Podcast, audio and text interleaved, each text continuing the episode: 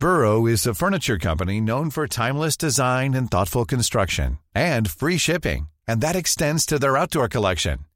Their outdoor furniture is built to withstand the elements, featuring rust-proof stainless steel hardware, weather-ready teak, and quick-dry foam cushions. For Memorial Day, get 15% off your Burrow purchase at burrow.com slash ACAST and up to 25% off outdoor. That's up to 25% off outdoor furniture at burrow.com slash ACAST.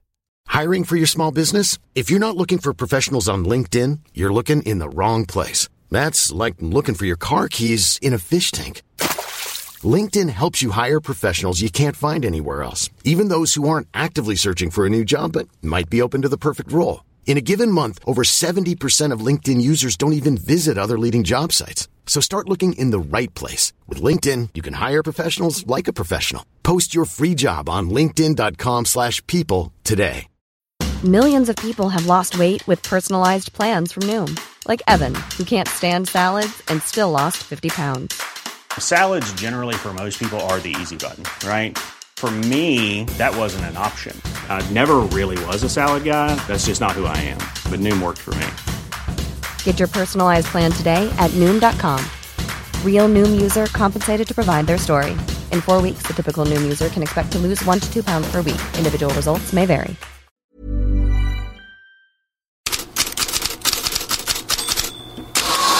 God morgon denna fredag. Så här lät det i östra London igår.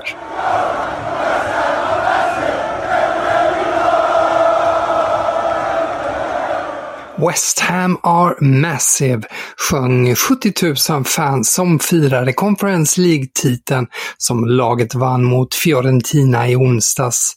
Men en viss baksmälla infinner sig kanske av flera skäl idag. Daily Mail menar att tränaren David Moyes, som blev viral med sin glädjefyllda gubbdans i omklädningsrummet efter titeln, att han överväger sin framtid i klubben. Och sista dansen med Declan Rice ser ju redan ut att ha varit här West Hams ordförande David Sullivan i Talksport. We, we promised him he could go. He set his heart on going. You can't ask for a man who's committed more to us this season. And in due course, I think we has to go. And we have to get a replacement, you know, or several replacements. It's not something we want to happen. We offered him 200 grand a week 18 months ago. He turned it down.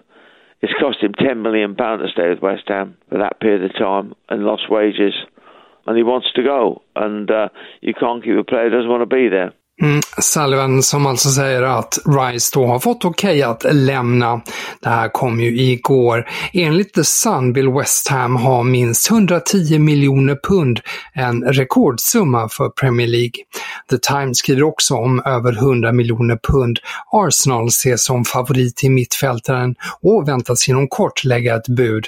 Även Manchester United och Bayern München är intresserade av Rice.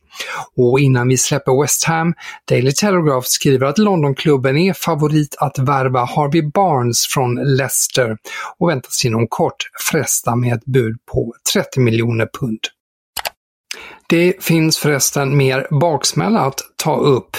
PSG har vaknat upp till den efter Lionel Messis flytt till Inter Miami och det är sura miner inte minst hos RMC Sport, där experterna rasar över att Messi beklagade sig över att han inte varit lycklig under sin tid i Paris. Experten och tidigare landslagsspelaren Christophe Dugarry tycker utspelet är fult och obegripligt av Messi. Och Jérôme med förflutet som i PSG, tar upp flera fall av att Messi dålig attityd. Uh, uh, il a voulu uh, très souvent faire changer le rythme des entraînements, qui est un rythme très très dur, tu vois.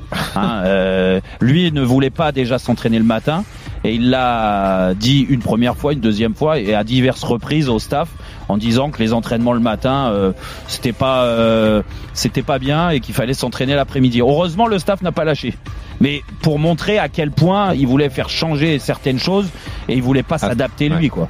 Donc euh, Monsieur Messi, euh, c'est ah. bien, on est bien content qu'il soit très loin de la France aujourd'hui. Ja, här pratade Roton om PSG-träningen. Han sa Messi ville ändra på tempot på träningarna och han ville inte träna på morgnar. Han sa det till tränare upprepade gånger.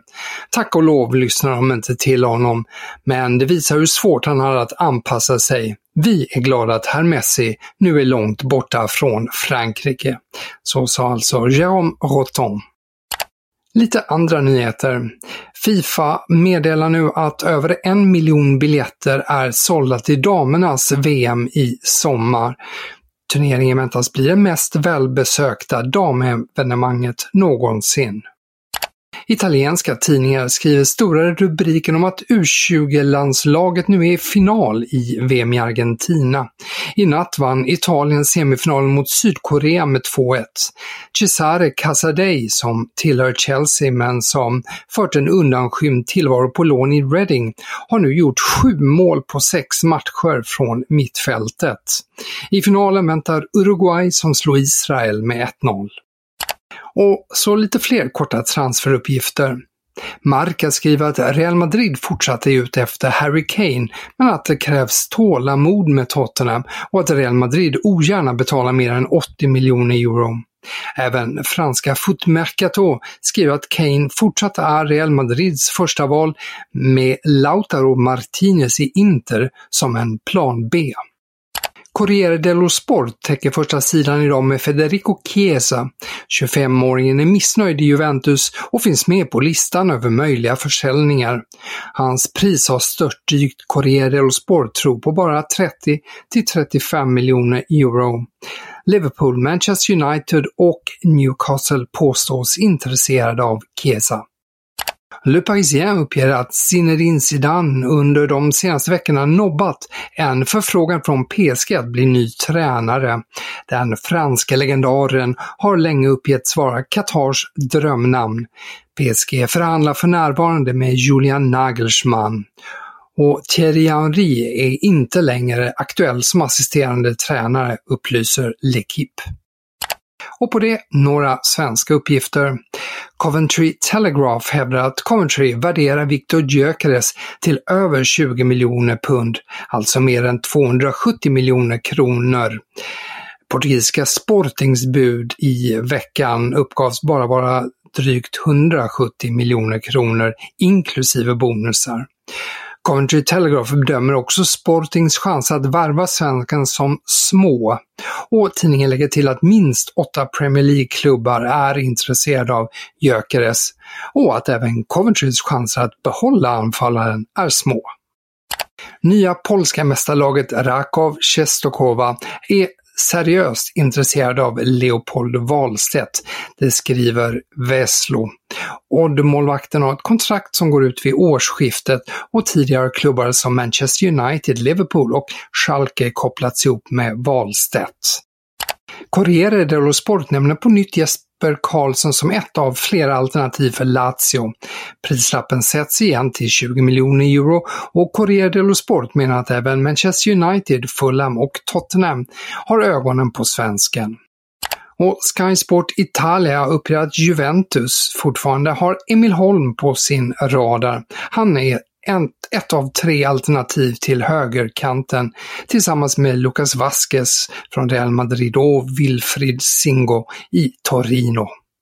Och med de orden tackar jag för denna vecka och önskar en trevlig helg.